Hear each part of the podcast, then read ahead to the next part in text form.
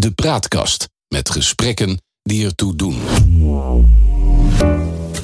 Welkom bij deze nieuwe aflevering van Nu is Later. Een podcast die gaat over: ben je geworden wat je wilde worden?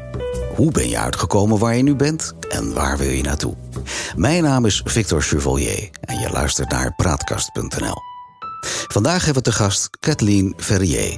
Ze is geboren als de dochter van de eerste president van Suriname. Als kind heeft ze zowel in Suriname als in Nederland op school gezeten. Studeerde later Spaanse taal en letterkunde, Portugees en ontwikkelingssamenwerking aan de Universiteit in Leiden. Tijdens haar studie was ze als stewardess bij de KLM. Na haar studie werd ze deskundige op het gebied van ontwikkelingssamenwerking in Chili en Brazilië, secretaris van Samen Kerk in Nederland en ook secretaris van de Gereformeerde Kerken in Nederland. In 2002 werd ze lid van de Tweede Kamer voor het CDA en woordvoerder. Ontwikkelingssamenwerking, dat moet ik zeggen. Woordvoerder ontwikkelingssamenwerking. Ze is in Cuba gearresteerd omdat ze met dissidenten wilde spreken. Later werd ze binnen het CDA zelf een dissident omdat ze fel tegen de samenwerking met de PVV was. In 2012 stelde zij zich niet meer verkiesbaar en is ze verhuisd naar Hongkong, waar ze docent werd aan de Hong Kong Baptist University. Bij gebrek uit de Tweede Kamer is Kathleen benoemd tot ridder in de Orde van de Oranje Nassau. En in september 2019 is ze benoemd tot voorzitter van de Nederlandse UNESCO-commissie. Hoe is Kathleen uitgekomen waar ze nu is? Wie is de mens achter de functie? We kunnen het vandaag allemaal aan haar vragen. Sterker, we kunnen vandaag alles aan haar vragen, want ze is bij ons in de praatkast. Hartelijk welkom, Kathleen. Dankjewel, Victor. In mijn inleiding zaten daar uh, jokkenbrokjes tussen of is het allemaal kloppend? Nou, er zaten een paar dingen van in waarvan ik denk van dat zou ik even zeggen. Toen ik geboren werd, was mijn vader minister-president van Suriname. Ja. Uh, bij de verkiezingen daarna verloor zijn partij, was hij geen minister-president meer. Ja. Voor een tijdje naar Nederland om even wat afstand te nemen. En werd toen uitgenodigd door minister Kals van Onderwijs Ja. om raadsadviseur te worden op het ministerie, belast met wetenschappen, waaronder ook de ontwikkeling van het Ru- Europese ruimtevaartprogramma En in die rol heeft hij er toen voor En gezorgd. in die rol heeft hij ervoor gezorgd bij de OESO in Parijs dat het Europese eh, ruimtevaartprogramma in Noordwijk gevestigd werd. Ik herinner het Oké. me als een hele bijzondere dag. Ja. Eh, want Want hoe, wij- oud, hoe oud was jij toen? Nou, ik denk dat ik een jaar of vier, vijf was. En ineens stond ons huis vol bloemen. Ja. En ik zei, wat is er aan de hand? En toen zei eh, eh, onze moeder tegen ons... jullie vader heeft iets heel bijzonders voor elkaar gekregen. Namelijk dat het Europese ruimtevaartprogramma... in Nederland gevestigd wordt. En mensen willen hem feliciteren en vandaar al die bloemen. En over, en over welk jaar hebben we het nu? Eh, begin jaren zestig. Begin jaren 60. Begin jaren, ik weet niet precies welk jaar. Maar ehm, dus eh, dat was begin jaren 60. Mijn eerste schooljaren heb ik in Den Haag doorgebracht. Ja. Ik herinner mij de kleuterschool, waar mijn vader de enige man was Mhm. die zijn kinderen kwam halen van de kleuterschool. En ook Ja. nog een zwarte man. En dat ik tegen hem zei: Kan mama ons niet halen?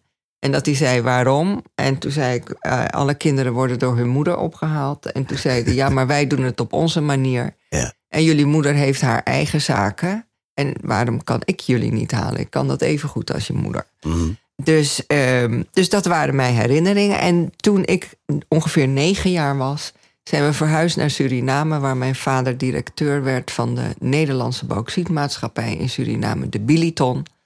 En van daaruit is hij gevraagd, toen we daar twee jaar zaten, geloof ik, of hij de gouverneur wilde worden. Dus de vertegenwoordiger van de koningin, in die tijd koningin Juliana, in Suriname. Want Suriname was in die tijd nog ouderwets een kolonie, mag je dat zo noemen? Het was geen kolonie Was meer. geen kolonie Sinds 1954 ehm, hebben we het statuut van Ja. het Koninkrijk, waarbij alle drie de onderdelen van het statuut, Mhm. Suriname in die tijd, het Caraïbisch deel van het Koninkrijk en het Europese deel van het Koninkrijk, gelijkwaardige partners zijn. Dus kan je eigenlijk niet meer van een kolonie spreken. Eh, maar goed, hij was de vertegenwoordiger van de koningin en hij heeft dat eh, daarmee ingestemd op de voorwaarde Mhm. dat hij bij zijn afwegingen altijd het belang van Suriname boven dat van Nederland zou stellen. Oké. Nou, dat werd geaccepteerd. Dus toen werd hij ehm, gouverneur. Ehm, toen kwam door tal van ontwikkelingen, ook in de Nederlandse politiek, ehm, het moment om als Suriname zelfstandig te worden. Dat zitten we in 1974, 75, Ja. schat ik zo. Uiteindelijk op 25 november 1975 is Suriname zelfstandig geworden. Mhm. Mijn vader had het nooit over onafhankelijkheid, want hij zei: geen mens, geen land is ooit onafhankelijk. Je hebt altijd anderen Altijd, ja, nodig. precies. zelfstandig. En eh, in de aanloop daar naartoe, het was zijn bedoeling om af te treden. Eh, hij is in 1910 geboren, dus in 75 was hij ook 65 jaar. Mhm. De politieke situatie was zodanig in Suriname dat van alle kanten hem gevraagd werd voor een overgangsperiode aan te blijven. En zo werd hij de laatste gouverneur en de eerste president van Suriname, een unicum in de wereld. Ja. Nergens ter wereld zie je dat de vertegenwoordiger van het voormalige, ehm, van oudsher koloniserende land Mhm. ook eh, de eerste president wordt. Dat geeft wel aan wat een eh, bijzonder mens hij was. Ja. Ja, Je spreekt ook vol trots over hem, hè? begrijp ik. Vol trots en liefde over mijn beide ouders. Ja. Mijn moeder was ook een hele bijzondere vrouw, Mhm. onafhankelijk, ehm, die zich ingezet heeft ook voor ehm, gelijkheid van eh, meisjes en jongens, vrouwen en mannen haar hele leven lang. Oké. Ja. Maar even terug naar jou, want we begonnen net eh, over dat je de eerste negen jaar eigenlijk in Nederland gewoond hebt. Ehm, als je dan op die leeftijd, ja, zeg maar gerust, emigreert naar Suriname, dat zou een enorme impact geweest zijn. Ja, maar Suriname was natuurlijk in ons leven altijd zeer aanwezig. Eh, in, in ons huis in Den Haag was een, eh, een, een plek waar Surinamers uit heel Nederland bij elkaar kwamen. Ja. Studenten, ehm, eh, oudere mensen. Er waren altijd veel mensen uit Suriname. Er werd veel gesproken over Suriname. En eh, ja, het was een deel van mijn leven. Ook veel familie in Suriname. Maar wat Dus- vond je ervan dat je naar Suriname ging? ik vond het fantastisch. Ik, vond het eerst eh, van, eh, ja, wat gaat er gebeuren? Hè? Waar gaan we naartoe? Ja. Maar als kind dat opgroeit in een eh, veilige omgeving... Mhm. met ouders en een zusje die er altijd zijn... is niks echt bedreigend. En is het meer een spannend avontuur. Zo heb ik het ervaren. Ja. En dat werd het ook. We gingen wonen in Biliton. Een plek een eind buiten Paramaribo. Waar dus die mijn is. Waar mijn vader directeur van werd. Wij speelden, mijn zusje en ik, met neefje, neven en nichten eh, in het oerwoud. Mhm. We woonden eigenlijk in een opengekapt soort oerwoud. Middagenlang trokken wij dat oerwoud in. Het was een fantastische tijd. En wat mij ook heel erg bijstaat, is dat ehm, wij woonden dan op wat heette de plant. Ja. Waar zeg maar de, eh, de ingenieurs van het mijnbedrijf woonden. En dan had je het dorp. Mhm. Daar woonden de arbeiders. En dat mijn vader en moeder ehm, daar wat moeite mee hadden. En dus ook allerlei zaken organiseerden voor mensen van het, bijvoorbeeld kerst. Ja, want waar hadden ze precies moeite mee? Dat er zo'n onderscheid was tussen wat luxere woningen Tussen en wat en eenvoudiger. eigenlijk tussen arm en rijk. En Ja. dat zij dat altijd eh, nou, hebben geprobeerd te overbruggen door gezamenlijk dingen te organiseren. En ook daar heb ik hele goede herinneringen aan. Ehm, maar je was dus al die tijd in Suriname. Er is op een gegeven moment weer een moment gekomen dat je ging studeren in Nederland. Ja, de overgang van Biliton naar Paramaribo, toen mijn vader gouverneur werd, was een lastigere dan van Suriname, van Nederland naar Suriname. We, ehm, voordat er bij ons in het gezin een beslissing werd genomen, Mhm. hadden we Krutu. Ehm, bij de Marons heet een algemene vergadering een Krutu. Oké. Daar ga je bij elkaar zitten en neem je gemeenschappelijk na discussie, uitwisseling van argumenten een besluit. En belangrijke beslissingen bij ons in het gezin werden gedaan op grond van een Krutu. Dus we hadden een Dat is voor mij een onbekende term. Maar Dat begrijp ik, want ik denk niet dat je veel met Marons spreekt. Nee, Eh, niets. Nee, dus daarom vertel ik het je. Ehm, dus eh, wij hadden dus onze Krutu. En mijn vader zei: Ik ben gevraagd door de koningin om haar vertegenwoordiger te worden. En dat betekent dat wij van hier naar Paramaribo zullen verhuizen. En toen zeiden mijn zusje en ik: Nou, dat willen we niet. Wij willen hier blijven. Ja. En toen heeft mijn vader ons uitgelegd dat er momenten in je leven kunnen komen. En mijn moeder heeft dat ook eh, uitgelegd. Dat je moet kiezen voor een belang dat uitstijgt boven je eigen belang. Ja. Dan komt er een vraag die zodanig is Dat het niet gaat om jou als persoon, maar om het dienen van een grotere groep dan alleen Groter jezelf. belang en eh, Precies. het collectief. Juist. Dus toen eh, zijn we naar Paramaribo verhuisd. En inderdaad, middelbare school, voor een deel ook in Nederland ehm, gedaan. En uiteindelijk heb ik ervoor gekozen om de talen van mijn continent te gaan studeren. Want op school had ik ook in Suriname Nederlands, Engels, Frans en Duits geleerd. Ja. Maar niet Spaans en Portugees. Ben je goed in talen? Eh, beter dan eh, wiskunde, scheikunde en natuurkunde in ieder geval. Ik ben niet zo iemand die het aankomt waaien. Ik moet er wel hard voor werken, maar ik hou ontzettend van talen. Ja. Vind je echt leuk om, om daarmee ook echt de communicatie aan te gaan, mag ik aannemen? De communicatie aan te gaan, maar ook de literatuur te kunnen lezen. Mhm. Eh, de manier van denken te leren kennen. Ja. De verhalen, de manier, het wereldbeeld, het mensbeeld, zoals dat uit literatuur blijkt. Ja, dat vind ik enorm fascinerend. Ik ben ook afgestudeerd op een eh, Cubaanse dichter, Mhm. Nicolas Guillen. Het Heeft dat, wat, ik zit nog even aan, aan het tijdsbeeld vast. Je, be- je bent bij de KLM gaan werken als stewardess. Heeft, Ja. dat, heeft die talenkennis daar een rol in gespeeld? Eh, nee, dat denk ik niet. Als zomerstewardess, het was mijn vakantiebaantje. Oké. Je moet je voorstellen, ik studeerde Spaans in de tijd dat je helemaal niet eh, internet had. Gemakkelijk toegang tot allerlei boeken. Die moesten vaak besteld worden. Ik studeerde Spaans-Amerikaanse literatuur. Boeken die hier in Nederland heel moeilijk verkrijgbaar waren. Ja. En het voordeel was van dit mooie vakantiebaantje in de eerste plaats dat je dus over de hele wereld kon reizen. Je kon zelfs aangeven waar je graag naartoe wilde. En als het contract van minstens drie maanden was afgelopen, kreeg je een reis aangeboden voor een habbekrats. Ja. Als er plek over was in het vliegtuig. En dan vloog ik naar Madrid. Dan zat ik een week in Madrid. En dan kocht ik alle boeken die ik voor dat studiejaar nodig had, wat ik, die ik in Madrid makkelijker kon kopen dan hier. Oh, geweldig. En ik heb Ja. ervan genoten om stewardess te zijn. Ja. En wat wilde je in die tijd worden eigenlijk? Van kinds af aan had ik één grote droom. Ja. Ik wilde dokter worden. Ik wilde mensen beter maken. Ik wilde vooral kinderen die ziek zijn. Vond ik vanaf ik heel jong ben, vond ik dat heel erg Mhm. om te zien. En eh, ik wilde dus eh, dokter worden. Maar het is in mijn leven anders gelopen. En, een moment-?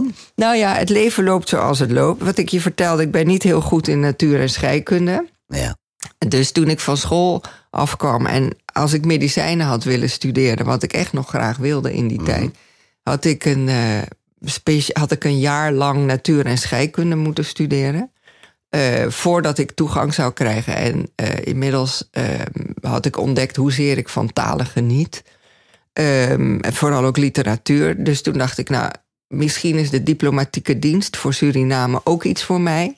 Dus ik ga Dat talen was je wel een beetje met de paplepel ingegoten natuurlijk. Als je daar dan eh, denkt hoe eh, papa daarin bezig was. Ja, de, eh, een knap politicus en diplomaat. Net als mijn moeder, hele tactische mensen. Maar wat ik vooral met de paplepel ingegoten heb gekregen... is niet zozeer politiek of diplomatie... maar veel meer het besef eh, van verantwoordelijkheid voor je medemens.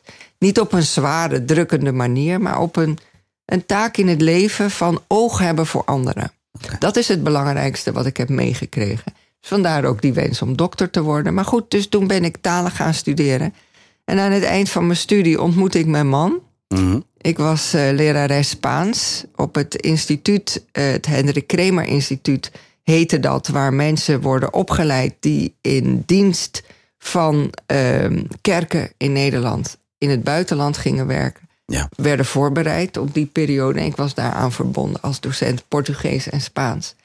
En zo kreeg ik een ehm vrijgezelle leerling die ehm, docent werd in Chili en dus Portu- eh, Spaans moest leren. Ja. En eh, ja, zodoende hebben wij elkaar ontmoet. Heb ik mijn studie afgemaakt en ben ik hem gevolgd naar Chili, waar wij getrouwd zijn Mhm. onder de foto van Pinochet. Dat was in de tijd van de dictatuur Ja. van Ja. Pinochet. ja, dat was eh, geen makkelijke tijd ook, denk ik. Het was Om in Chili te zijn. nee, het was geen makkelijke tijd. Ik was, eh, nou ja, ik kwam net van de collegebanken af, dus ik was, eh, ik was heel jong, denk Mhm. ik nu achteraf. Ehm, ja, het was een hele spannende tijd die ons leven zeer gemarkeerd heeft.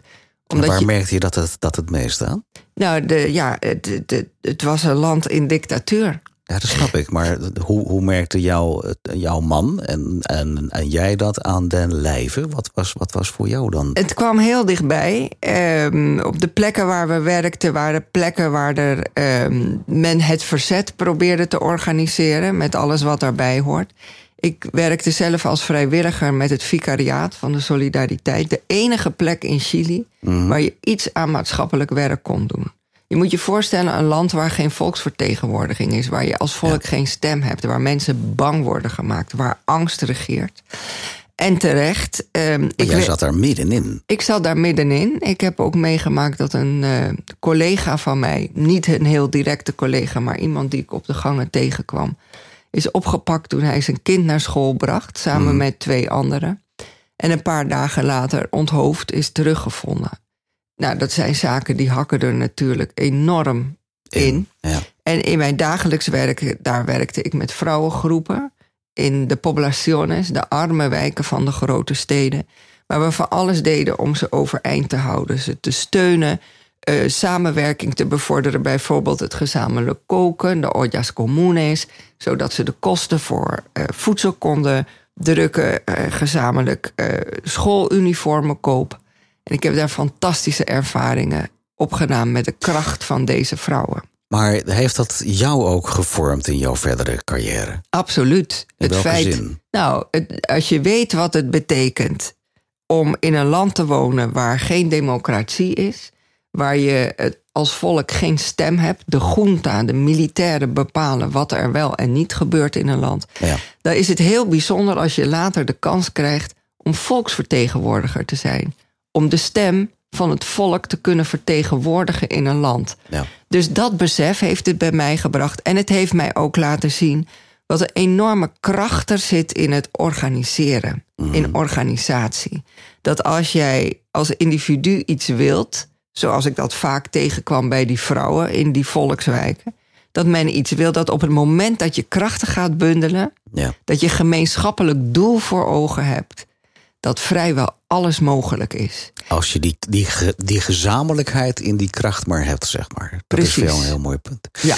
Maar je had natuurlijk ook in die periode de keuze om het land te ontvluchten. Zeker gezien jouw nationaliteit. In Chili? Ja. Nou, wat ik ook geleerd heb, is dat je als buitenlander in dit soort situaties nooit voorop moet lopen in de strijd. Mm. Eh, dat je je bescheiden op moet stellen. Kijk, in het slechtste geval, als wij de straat op gingen, en dat deden we met onze collega's. Ja. En Als wij werden opgepakt, werden we het land uitgezet, hup, op het vlieg, vlieg- vliegtuig en weg.